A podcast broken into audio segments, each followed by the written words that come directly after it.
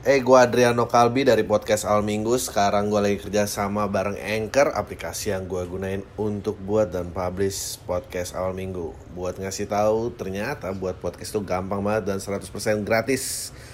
Semua yang kita perluin untuk buat podcast juga ada di Anchor, termasuk distribusi ke Spotify dan platform podcast lainnya. Yuk, download aplikasi Anchor dan bikin podcast kamu segera.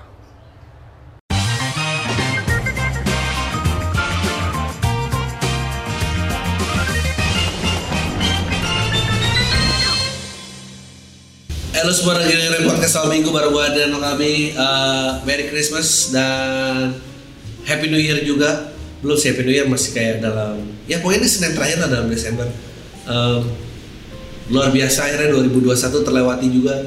Uh, meskipun mental masih ada di dalam 2019 ya uh, sih mental ada di 2020 awal gitu satu pandemi aja ini berarti udah dua tahun hampir dua tahun. Um, Iya, padahal udah banyak banget perubahannya dan, dan, dan hidup jalan terus. Jadi uh, berhentilah menunggu keadaan ideal, uh, jalan aja hidup ada apa adanya. Uh, karena menunggu yang ideal tuh pasti nggak akan datang.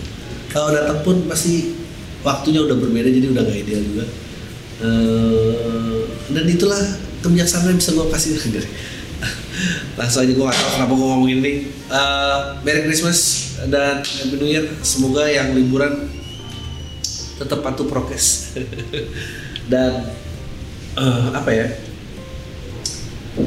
Semoga tahun ini ditutup dengan uh, covid yang sudah tidak ada uh, tapi kayaknya sudah tapi ya bolehlah berusaha dan berharap akan hal ini. Uh, gue sendiri nggak tahu gue mau ngomong sih. Gue gue sebetulnya udah nggak ada ide mau ngomong apa lagi dalam podcast ini pengennya punya sosok liburan season tapi ini season berapa nih? Podcast ini udah kayak stripping tau gak lo? Nggak ada habis-habisnya langsung aja kita. Yang pertama Menteri Jerman semua warga akan divaksin sembuh atau mati setelah musim dingin. Gokil. Peringatan paling keras tentang pentingnya mendapatkan vaksinasi COVID. Setelah negara itu mengalami lonjakan infeksi pada akhir musim dingin ini. Semua orang di Jerman akan divaksinasi sembuh atau mati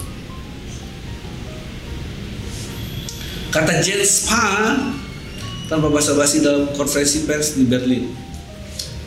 Spahn mengatakan dia menentang membuat vaksin COVID. Dia menentang membuat vaksin COVID wajib, oh wajib. Tapi ya, oh dia menentang membuat vaksin COVID itu wajib, tetapi adalah kewajiban moral untuk mendapatkan vaksin karena berdampak pada orang lain. Kebebasan berarti mengambil tanggung jawab dan ada kewajiban kepada masyarakat untuk divaksinasi. Ternyata Jerman sama aja masalahnya.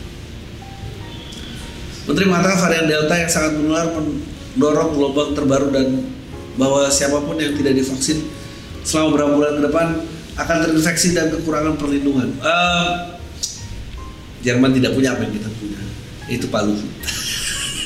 Di sini nggak ada yang bisa Palu. Bagus. Uh,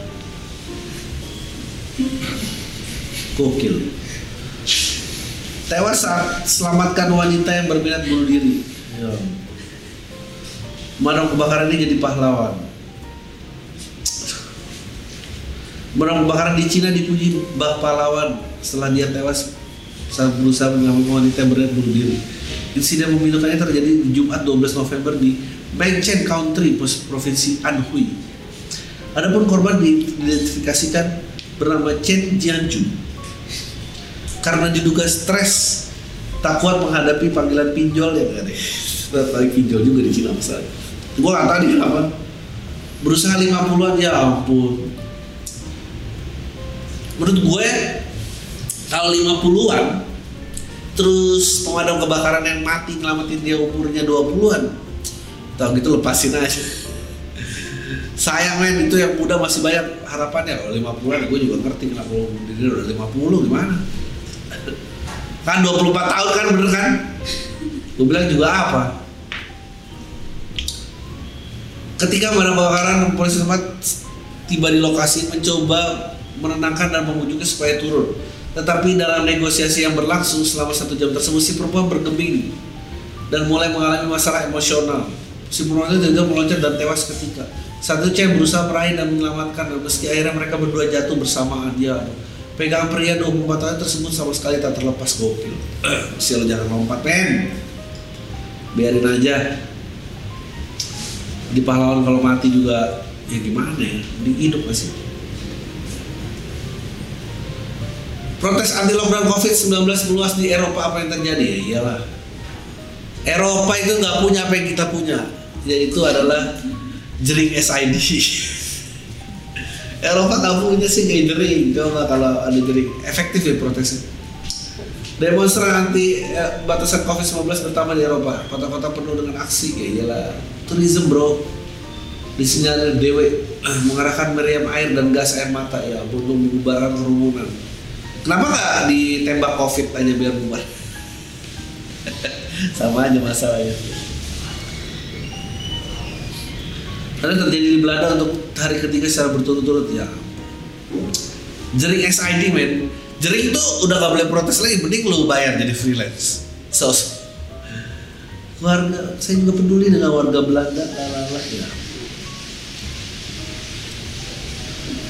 Uh, Petugas kebersihan tawarkan jasa sebagai mata-mata di rumah Menteri Pahlawan Pertahanan Israel. Anjing lucu banget. Lucu banget.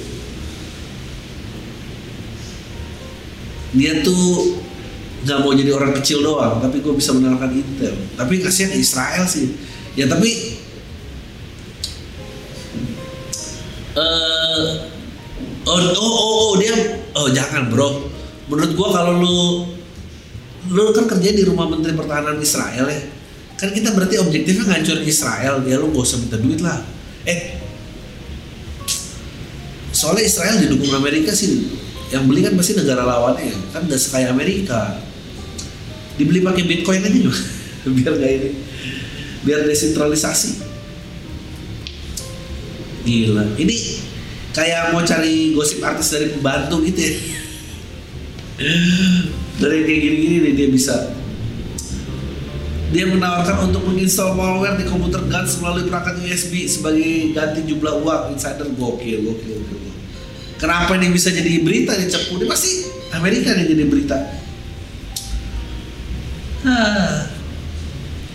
foto berbikai menteri dan keluarga tujuannya untuk membuktikan bahwa dia punya akses oh anjing lucu termasuk foto komputer Gorochovsky kemudian menghapus semua foto dan korespondensi dari ponsel.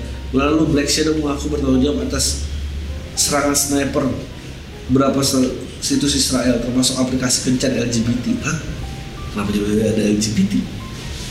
Menurut dakwan, Gorochovsky terinspirasi untuk membuka mereka itu membaca serangan. Hah? Black Shadow sebagai pihak yang berafiliasi dengan Iran Enggak ini uh, Black Shadow bertanggung bertanggung jawab atas serangan cyber. Oh cyber sorry. Gue baca sniper cyber berapa situs kemarin karena gue gak kebayang sih sniper LGBT kayak apa? Kalau ngedip kan dia mungkin lebih tahan lama ya karena biasa ngedip. Tapi kalau yang lain gue gak tahu. Uh, cyber cyber sorry. Mantap apa? Gue kayak serangan sniper terhadap aplikasi kencan LGBT apa? kenapa dia bisa itu ya uh, kisah bocah bernama serba ada. Ya Allah masih emang anak pemulung didoakan hidup lebih baik. Oh dia anak pemulung makanya orang tuanya uh, mendoakan agar dia serba ada. Nama ialah doa kan dan harapan orang tua. Begitu diharapkan oleh pasangan Teguh dan Ernawati warga Lubuk Linggau Sumatera Selatan.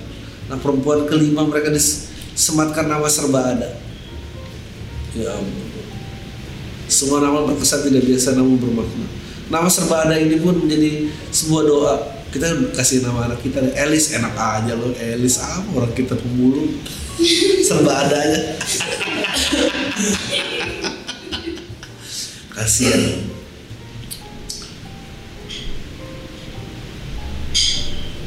Ernawati 53 tahun, ah ibu 53 tahun gokil. Terus ya ibu juga ada daya loh 53 tahun jangan beranak mulu lah. Udah tahu pemulung. Kondisi ibu lima orang ini seorang serba ada kepada anak perempuan bungsunya. Almarhum suami saya ingin kehidupannya nanti bisa serba ada. Ya ampun, suaminya meninggal. Ya ampun sedih banget ini. Ada rumah, ada mobil, dan sejahtera. Tapi dia menuntutkan sejak kelahirannya anaknya serba ada. Toko kali serba ada. Sorry. Terus serba. Uh, kehidupan keluarga berangsur membaik. Kini ia telah memiliki rumah dan tanah yang meskipun tidak berukuran besar tapi telah lebih wow luar biasa. Tapi emang bener sih gue percaya uh, nama adalah doa. Dulu di zaman gue jadi agensi ada tempat editing namanya Fireworks lu tebak uh, matinya usaha itu apa kebakaran karena namanya fireworks uh, ada lagi tempat edit namanya render post render post dia tiap render ngeheng karena post kan post itu kan berhenti kan. Tiap render ngeheng. Fireworks itu ada lagi temen gue bandnya Patra nih. Nama tuh adalah dia punya band metal namanya Speed Kill. Apa yang lo rasain dengan uh, nama itu? Nggak matinya cepet ternyata. Nama adalah doa gue percaya. Uh, ya gue nama namain PT gue sih doanya terpampang jelas itu apa. Uh, dan semoga dikabulkan sih karena tidak ada lagi yang lain viral wanita memohon sampai berlutut ke pria minta berhenti melamarnya Wanita ini mendadak viral usai aksinya terekam di kamera dan menyebar di media sosial dia tampak memohon hingga berlutut di depan seorang pria. Rupanya aksi tersebut ia lakukan agar si pria berhenti melamarnya ya Allah. Udahlah, aku udah mau ya anjing aneh banget. Aneh cowoknya maksud gua. Maksud gua Nah video itu beredar dia berlutut di jalan mall orang pria untuk menyerah mengejarnya. Wanita berambut panjang itu memohon kepada pria di depannya. Wanita tidak ketahui identitasnya tapi juga sempat melemparkan kepada paket kemudian duh laki itu sedih banget ya di dan juga udah gak mau ngapain sih dipaksa? Udah lah kalau sekali ditolak udah lah. Pria berkonten setelah mengejar wanita selama lima tahun. Ia juga sering menyatakan cinta padanya. Dari saksi bahkan sempat mendengar wanita berteriak untuk biarkan untuk pergi. Berhenti mengikuti tolong biarkan aku pergi. Iya kenapa gak dipanggil polisi aja sini? Gokil. Uh, banyak yang berpikir bahwa si pria harus menghormati keinginan wanita itu. Beberapa merasa bahwa wanita itu seharusnya beri kesempatan? Enggak menurut gua pria sih harus berhenti wanita ini dapat diskon taksi online gara-gara supirnya ketut usai makan petai ya Allah Lewat akun TikTok miliknya, Putri menjelaskan pengalaman kocak dan tak terlupakan saat naik taksi online. Bahkan pengalaman ini langsung viral dan ditonton lebih dari 1,2 juta. Ya Allah, kasihan tuh akan trauma banget makan petai. Pengalaman terlupakan saat saya pergi saat saya akan vaksin waktu mau divaksin saya pergi pakai taksi online. Dari rumah ke tempat vaksin harganya sekitar 19 ringgit. Awal tidak ada yang salah tapi tengah-tengah tiba-tiba saya mencium aroma yang sangat busuk terus aroma tak sedap cukup mengganggunya. Apalagi di dalam mobil tertutup dia sempat mencari arah dari aroma itu aja tapi tak kunjung menemukan sumbernya. Bahkan dia sampai mencium ketiaknya sendiri saking takut lupa menggunakan deodoran ternyata tidak sama berbusuk tahu busuk sama sekali. Bau ternyata benar-benar parah banget macam aroma bangkai yang diaduk dengan telur biawak teh talur ya teh, teh talur ada teh telurnya nih masih uh, Kompleks saya sempat cek sepatu saya takutnya nginjak kucuran tai kucing, tapi tidak juga. Lanjutnya bio akhirnya sepanjang perjalanan menahan aroma busuknya padahal sudah pakai masker berlapis. Tetap tercium tiba-tiba sebuah taksi online itu minta maaf kalian lalu seperti itu maaf pada saya bahkan saya menyuruh saya bayar 10 ringgit aja. Saya bilang kenapa dia bayar setengah harga. Eh tadi supirnya bilang gak sebenarnya dia habis makan sambal udang petai yang sangat banyak. Sehingga aroma itu jadi sangat busuk. Ya kalau dia udah kasih diskon juga jadi jadi konten TikTok dong aja kasih banget. Repot men. Itu rezeki orang. Terus cuma beda enam ringgit aja problem Oke ini klaim belajar pakai kelapa utuh demi ramah lingkungan. Ah, kirim belajar pakai kelapa utuh. Bikin gram berat beratin aja. Kurir mengatakan pakai belajar ke rumahnya pakai itu berisi buah kelapa utuh. Susah sus belek itu repot banget oh saya baru aja belajar di Shopee. Ya ampun.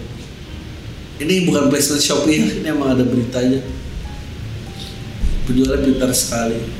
Memang memang pecah belah jadi bisa berlindung yang baik semua udah jatuh dari pohon. Saya buah kelapa jarang ada yang pecah. Ya tapi lu pesan apa dulu cuy?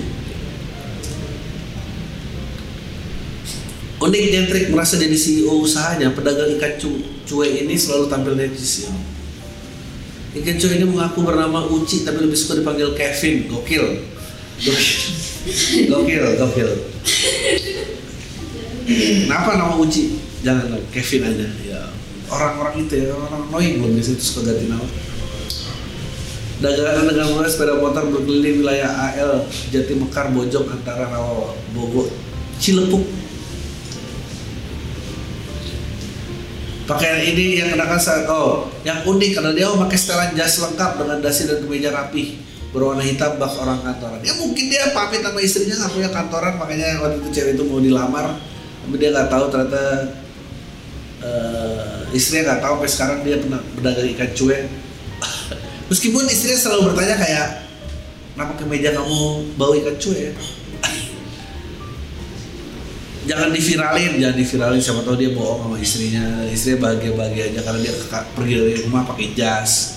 Ntar sedih lagi gitu ternyata cuma pedagang ikan cuek. Patwal polisi Sri yang hamil 9 bulan ngidam naik mobil patwal polisi. Aduh menurut gua orang-orang yang kayak gini nih nggak hamil juga pasti nyusahin nih. Berani mendatangi Polres Batubara dengan berjalan kaki. Si polisi sering menjelaskan maksud kedatangannya. Pada personel polisi yang berjaga Pak saya ingin naik mobil patwal kalau nggak diturutin nggak apa-apa.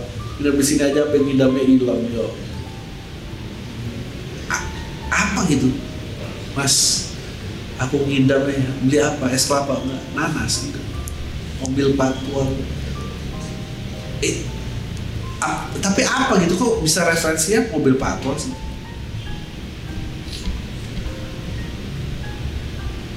Menawar jauh dalam fasilitas naik mobil batu ya Pak Jasri memilih kota 50 sampai mengantarkan ke rumah terima kasih Pak Polisi sudah memiliki keinginan untuk naik mobil patwal gue tahu ntar anaknya lahir apa nama anaknya? Patwal mas kenapa aku dipanggil patwal ibu? Dulu waktu ibu hamil ibu ngidamnya naik mobil patwal uh, gunakan kepada seluruh personel agar tetap bertugas senantiasa. Menjadi pelayan penganyong dan pelindung masyarakat. Kayak produk placement deh jadinya. Anjing deh gue gak percaya deh jangan-jangan. Ibu Sri ini hanya uh, apa namanya? Hanya bayaran aja gue rasa oke langsung aja pertanyaannya. Quarter life crisis yang menyiksa. Bang, gue umur 25 tahun, saat ini gue lagi ngerasain quarter life crisis, gue udah nganggur kerja selama satu tahun sebelumnya gue pernah kerja di leasing selama satu tahun setelah gue lulus kuliah sekarang gue ngerasa berada dalam keadaan overthinking. Overthinking overthinking. Masalah masa depan di umur gue ini di saat umur segini gue sebenarnya gue udah punya pekerjaan yang settle buat diri sendiri buat bantu orang tua gue tiap malam gue selalu kepikiran masalah masalah masa depan dan selalu merasa bersalah dengan orang tua gue karena belum bisa ngebagian mereka. Setiap hari gue udah apply lamar ke berbagai perusahaan dan belum ada hasil. Jujur masalah gue dari awal adalah salah jurusan pada saat kuliah. Gue ngerasa salah jurusan saat kuliah 4 semester dan gue gak bisa lagi ulang kuliah karena ada masalah biaya dan gak mau kecewa orang tua aja karena gue ngeluarin duit buat masuk kuliah. Pada saat itu gue mutusin kelar kuliah dengan secepat mungkin agar gak buang-buang waktu dan biaya. Uh, setelah gue lulus gue kerja di leasing sebagai kolektor mobil selama satu tahun. Setelah salah satu tahun gue berhenti karena gak nyaman dengan lingkungan kerjaan dan atasan yang bangsa. Ah lumayan namanya banyak mau ini. Beberapa setelah gue analisa skillku sekarang jauh dari standar pekerjaan zaman sekarang dengan zaman digital dan teknologi. Bukan. Gue udah berusaha buat update skill dan wawasan gue dan gue bingung susah fokus buat belajar sesuatu karena overthinking dan gelisah setiap saat menghadapi kondisi gue yang sekarang. Bukan sampai di situ masalah karakter life gue bang. Gue udah pacaran selama lima tahun pacar gue udah rada-rada mengarah ke masa pernikahan. Dan itu buat gue bingung dan tambah overthinking gue gak ngerti di lingkungan gue di daerah gue menikah di umur 25 itu menjadi wajib ba- bagi gue menikah itu ketika lu siap mental dan finansial. Menurut lu bagaimana jalan yang harus gue jalani untuk quarter life karena lu udah bisa ngejalanin itu bang pas umur gue uh, gue seumuran loh kayak belum lama kayaknya waktu itu mungkin umurnya 23 kayaknya waktu itu gue juga sempat tuh kayak pacaran lima tahun dan gue mendekati usia bahaya itu akhirnya gue uh, mutus untuk lepas semua. Ngelepas gue bener gue ngelepas pekerjaan ngelepas ini pokoknya restart dari nol sih. Karena lepas semua tuh karena karena yang lain yang gue pegang tuh jadi beban nggak bisa. Jadi gue harus bisa selamatin diri gue dulu baru baru bisa ngurus yang lain. Nggak bisa lu punya harapan muluk-muluk oh, orang tua gue gimana ya? Lu aja kagak beres lagi orang tua lo itulah.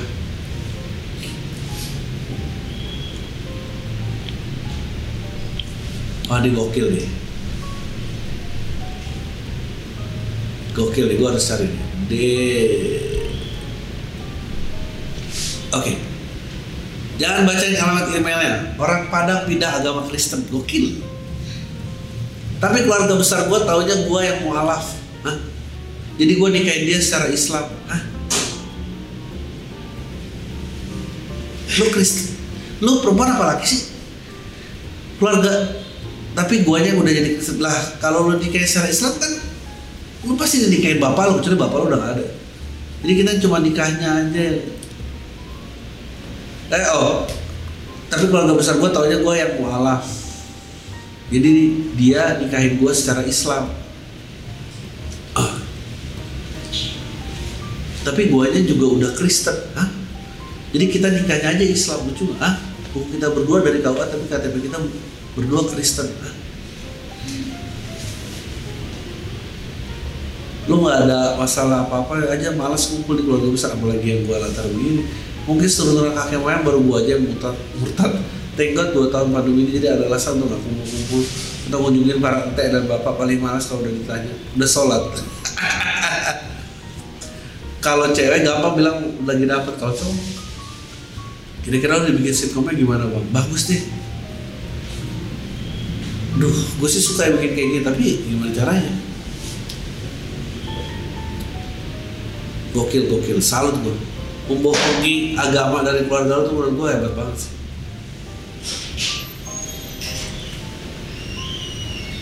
Ah. Oke. Putus gara-gara ketahuan mama pap titit. Oke.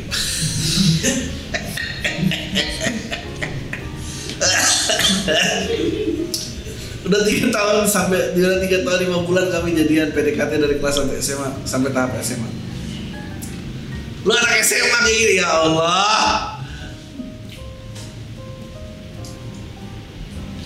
Ya ampun. Gue tuh dulu viral sebelum viral ada sosmed ada namanya dulu Bandung Lautan Asmara coba cari aja masih ada apa itu orangnya stres men. Pindah luar negeri tau gak kalau sekarang tuh dan itu tuh satu di antara nggak pernah ada kejadian. Sebelum Bandung Lautan Asmara siapa yang nggak ada? Baru dia kayaknya awal. Eh, problem dari satu SMA sampai tamat SMA baru aku tembak. Banyak problem pas jadian mencoba untuk bertahan karena kata Mary Riana kalau ada kuku yang melukain tangannya pot lukain tangan potong kuku ya jalan jarinya ya. Tapi akhirnya kita putus di tiga tahun lima bulan. Karena mama karena mama dia lihat foto pap titit aku yo. Sayang banget padahal dia orangnya baik banget.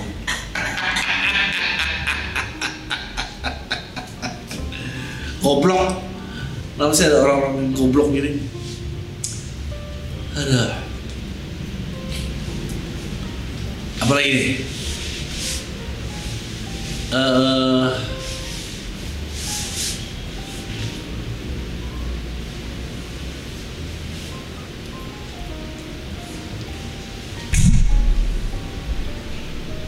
apalagi ya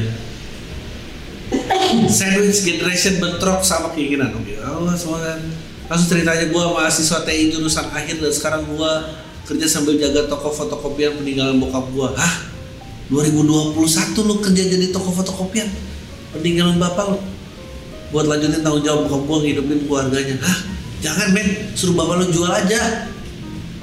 Di modal usaha lain men. Siapa ini? Kecuali fotokopi lo di sebelah kantor kelurahan lain. Maksudnya itu gudangnya orang buat fotokopi gue anak dua dari lima abang gue udah berkeluarga jadi lepas tanggung jawab jadi gue otomatis tulang punggung keluarga soal judul bang jadi nanti gue lulus kuliah nanti mau langsung magang ke Jepang buat Eh, gue Adriano Kalbi dari podcast Al Minggu. Sekarang gue lagi kerja sama bareng Anchor, aplikasi yang gue gunain untuk buat dan publish podcast Al Minggu. Buat ngasih tahu, ternyata buat podcast itu gampang banget dan 100% gratis.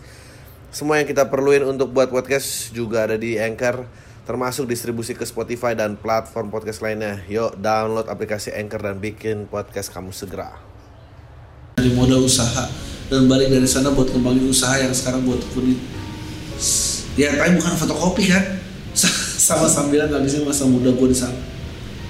Nah masalahnya toko cuma gue doang yang bisa manage sekarang. Abang adik gue apa susahnya manage gue abang gue sibuk sama kerjaannya kalau adik gue masih pada kecil buat gue kasih tanggung jawab jaga toko. Iya adik lu juga mungkin udah gak tahu fotokopi itu apa.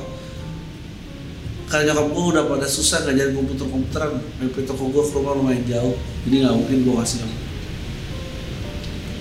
dan nyokap gue paling males buat nyewa orang buat jagain tokonya ya terus sepikiran buat golong tikar buat toko buka toko kembali deket rumah biar nyokap bisa ah, ngurusin bagian stationery aja untung gimana bang? Sisi gue mau cabut buat cari modal.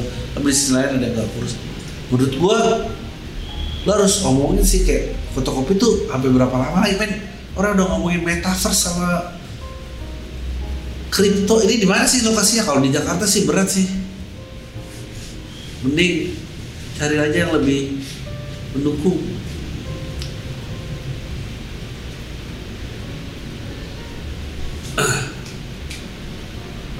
Oke, tetanggaan dengan orang korupsi dana hibah masjid Sriwijaya. Oke.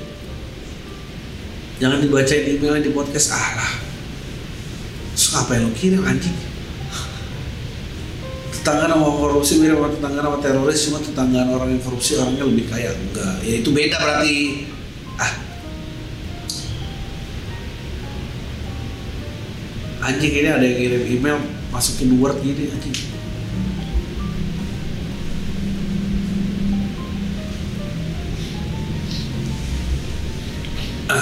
apalagi ya kebohongan besar yang berhasil. Oke.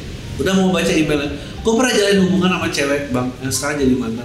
Kami kenal karena satu kampus dekat semakin dekat akhirnya kami pacaran selama pacaran kami jalani baik-baik saja. Bang sampai berjalan setahun. Nah berjalan setahun kami wisuda bareng kami punya komitmen ini bang. Kalau udah wisuda baru kenal sama waktu masing-masing. Akhirnya kita udah saling mengenal gue udah mulai kerja dia juga udah mulai kerja. Nah kami membangun komitmen bahwasannya pacaran itu tiga tahun terus menikah bang. Kebetulan kerjaan kami beda daerah gitu gue agak ke pelosok karena di perkebunan dan dia di ah, pusat kota. Selama dua tahun dia resign bang. Lo buka usaha dan berjalan cukup lancar usahanya. Suatu waktu dia mulai jaya di usahanya gue malah dipecat bang. Dan nganggur. Dia baik banget nyokap nyokong gue bantu gue kasih semangat sampai di, titik dia mempertanyakan komitmen yang tiga tahun pertama gue coba aku bakal nepatin dan dia nunggu nah gak lama gue diterima di perusahaan oil rig bang. Dan dia senang banget tapi gue harus jauh kerjanya karena di offshore. Singkat cerita semua sudah terkumpul cukup untuk meminang dia tempat di tiga tahun kurang 10 hari dari tanggal jadian kita bilang aku mau ngelamar kamu bla bla bla bla bla bla. Terus jawab gini hapus semua kenangan hapus semua kenangan kita yang udah Hah? terus hapus semua kenangan kita. Aku udah punya suami. Hah? aku bahagia dengan bilang oh ternyata gue cari tahu selama pacaran tiga tahun sama gue bang. Dan kami having sex.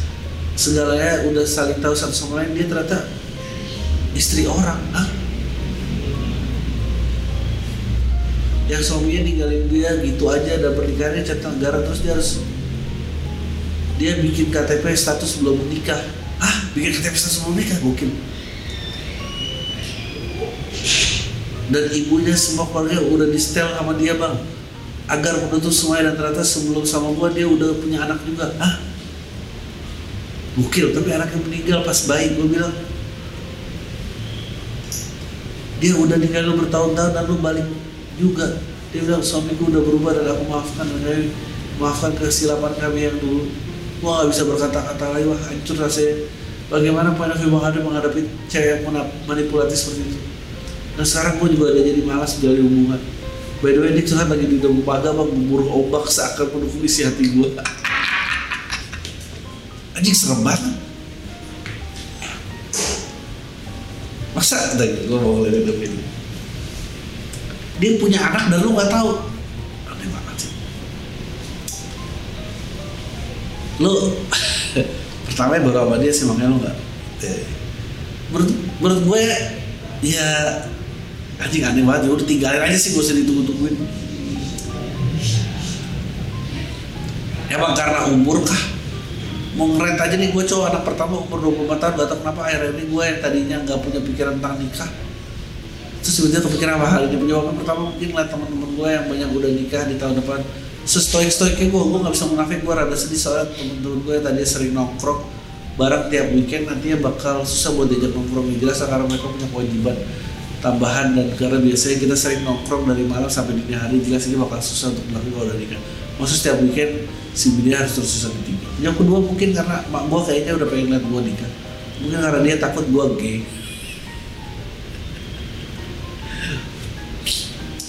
soalnya dia tahu terakhir gue pacar tuh 8 tahun yang lalu dan gue emang lagi gak nyari. Entah kenapa gue susah banget untuk get a crush to someone.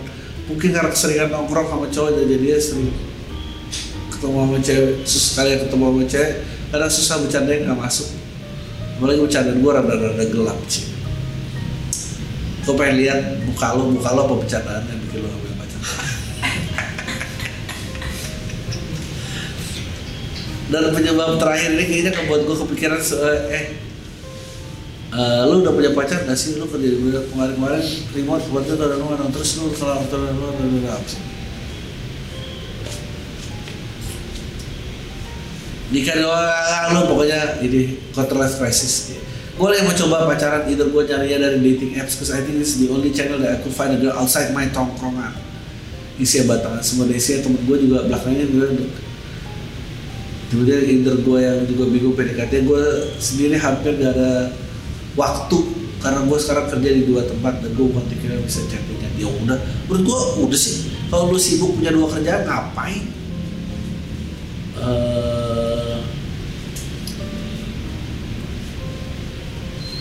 ngapain ini?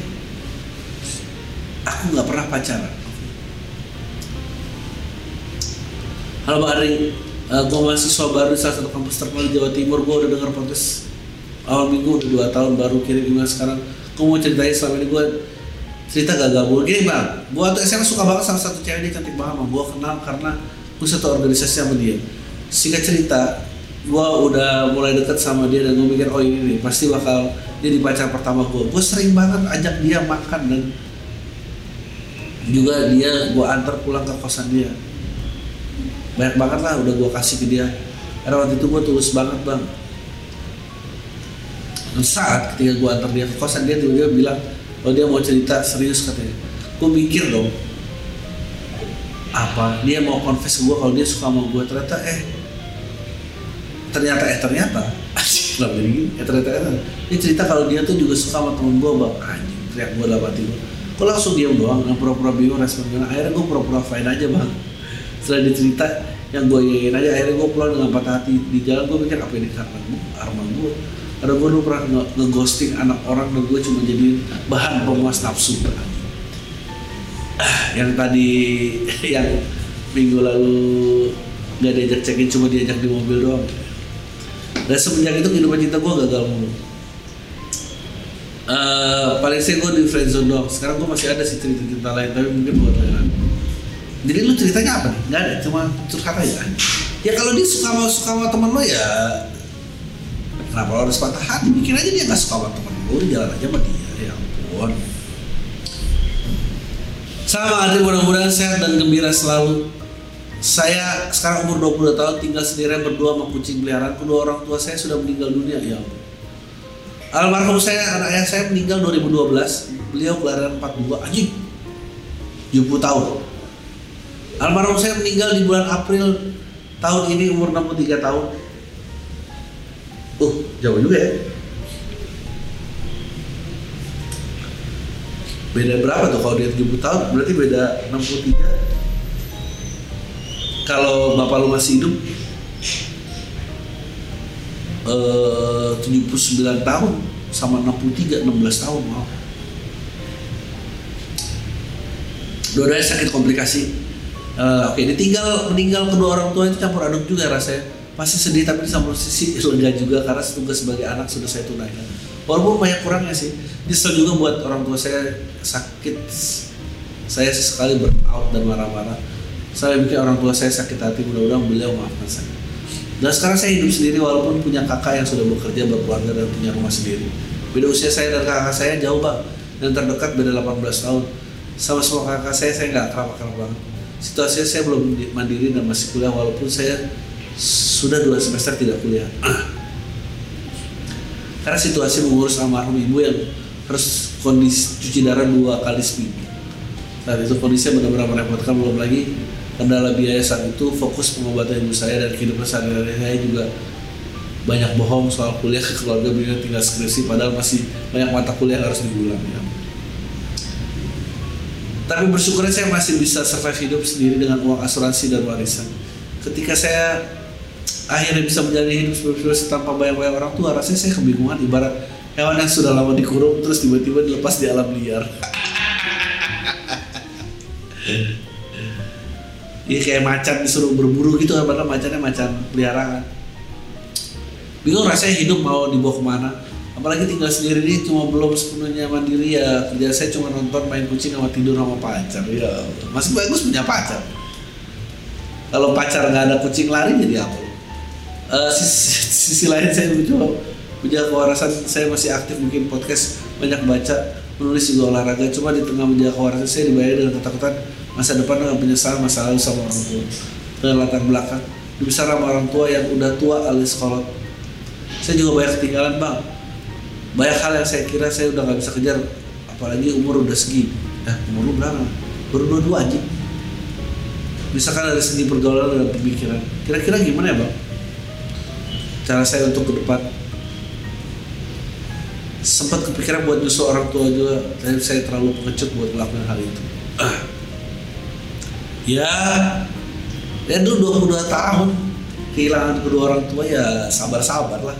Uh, ya menurut gua hal yang paling gampang ya lu jangan bohong tentang kuliah lu kelarin aja mesti apalagi gitu. Dan dan ukur dari situ gitu. Nggak mau tidur tidur sama pacar lu aja. Ya oke.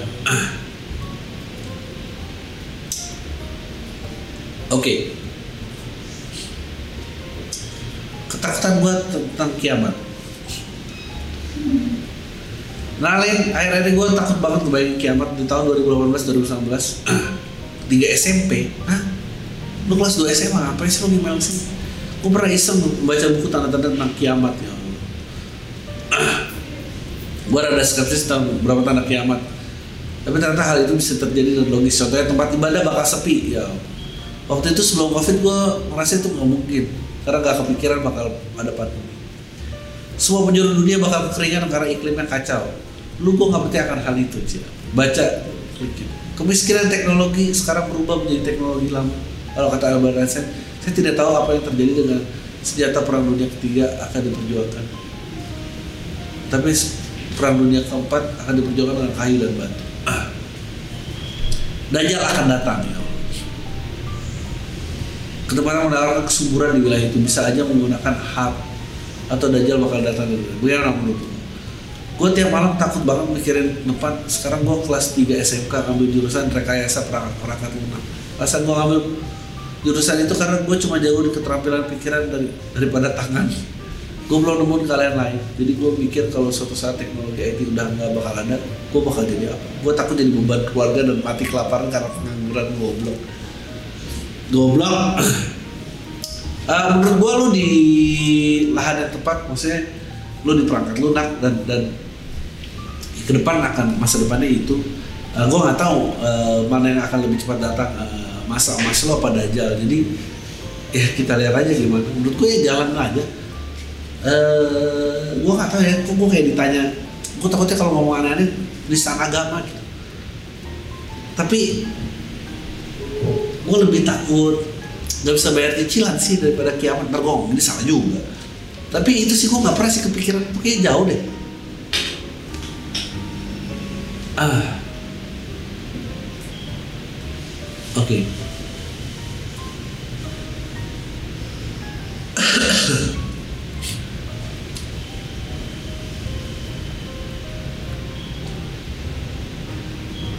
Apa lagi ya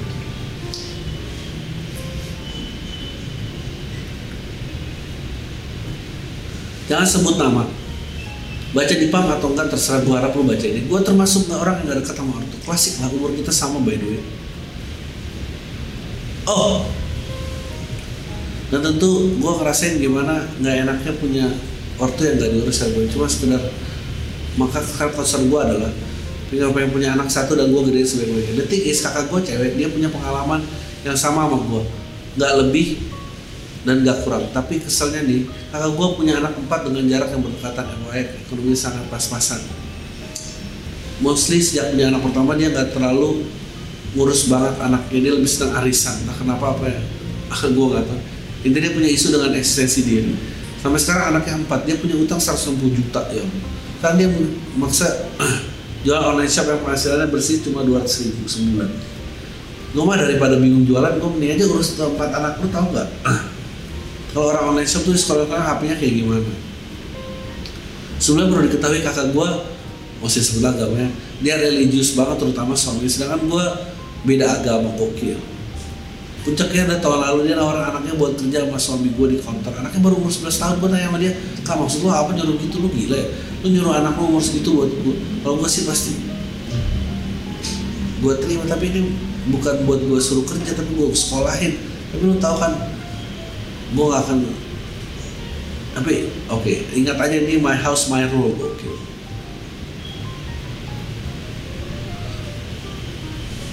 gue pikir gue suruh dia pikir kalau oke okay, gue akan senang hati ngurus ponakan gue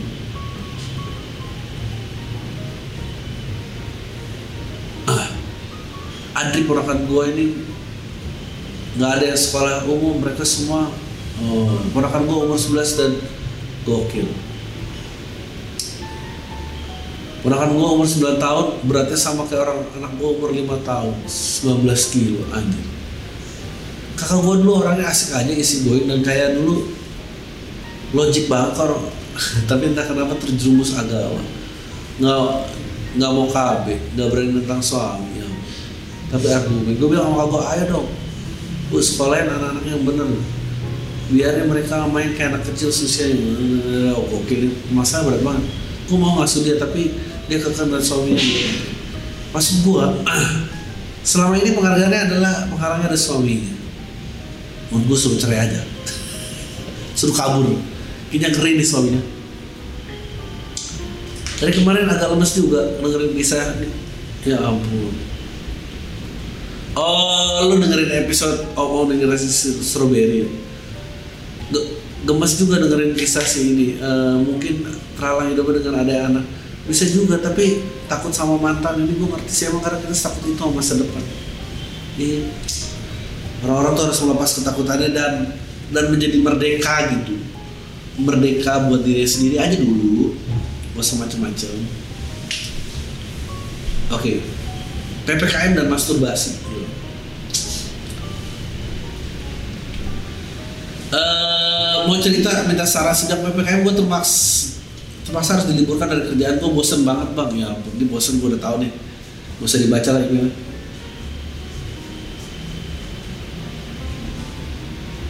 uh, orang-orang nih gara-gara gua katain tentang sertifikat vaksin banyak yang email udah vaksin belum? Beserta sertifikatnya coba ngapain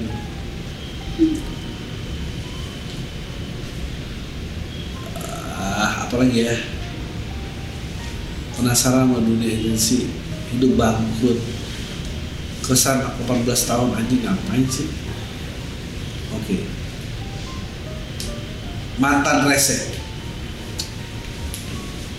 anjing panjang banget gajinya gue rese banget. Bodo amat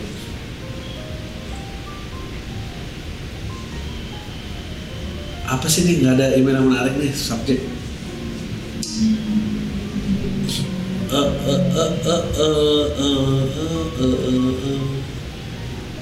Apa ya? Nasihat podcaster lebih diterima dibanding oke okay nih. Terima orang tua ya Allah. Bang gue mau nanya soal diri gue lebih menerima saran di opini dari podcaster ketimbang orang tua gue sendiri karena gue merasa latar pendidikan orang tua gue gak sebaik para podcaster yang gue dengerin ngomong menurut lo lebih baik dengerin saran orang tua yang tidak sesuai dengan masalah hidup gue atau orang lain yang menurut gue memiliki masalah yang sama? Makasih bang. Ya orang tua lo lah. Orang lain gak ada yang peduli tentang lo. Orang tua lo masih mau. Kalau lo keliling utang orang tua lo masih bantu. Gue mana mau bantu? Gue enggak. Gue aja dari tadi locker gue dilihat dilihat kan banyak banget yang locker. Udah itu dari gue tapi gue Merry Christmas and Happy New Year, Pak semua. Deh.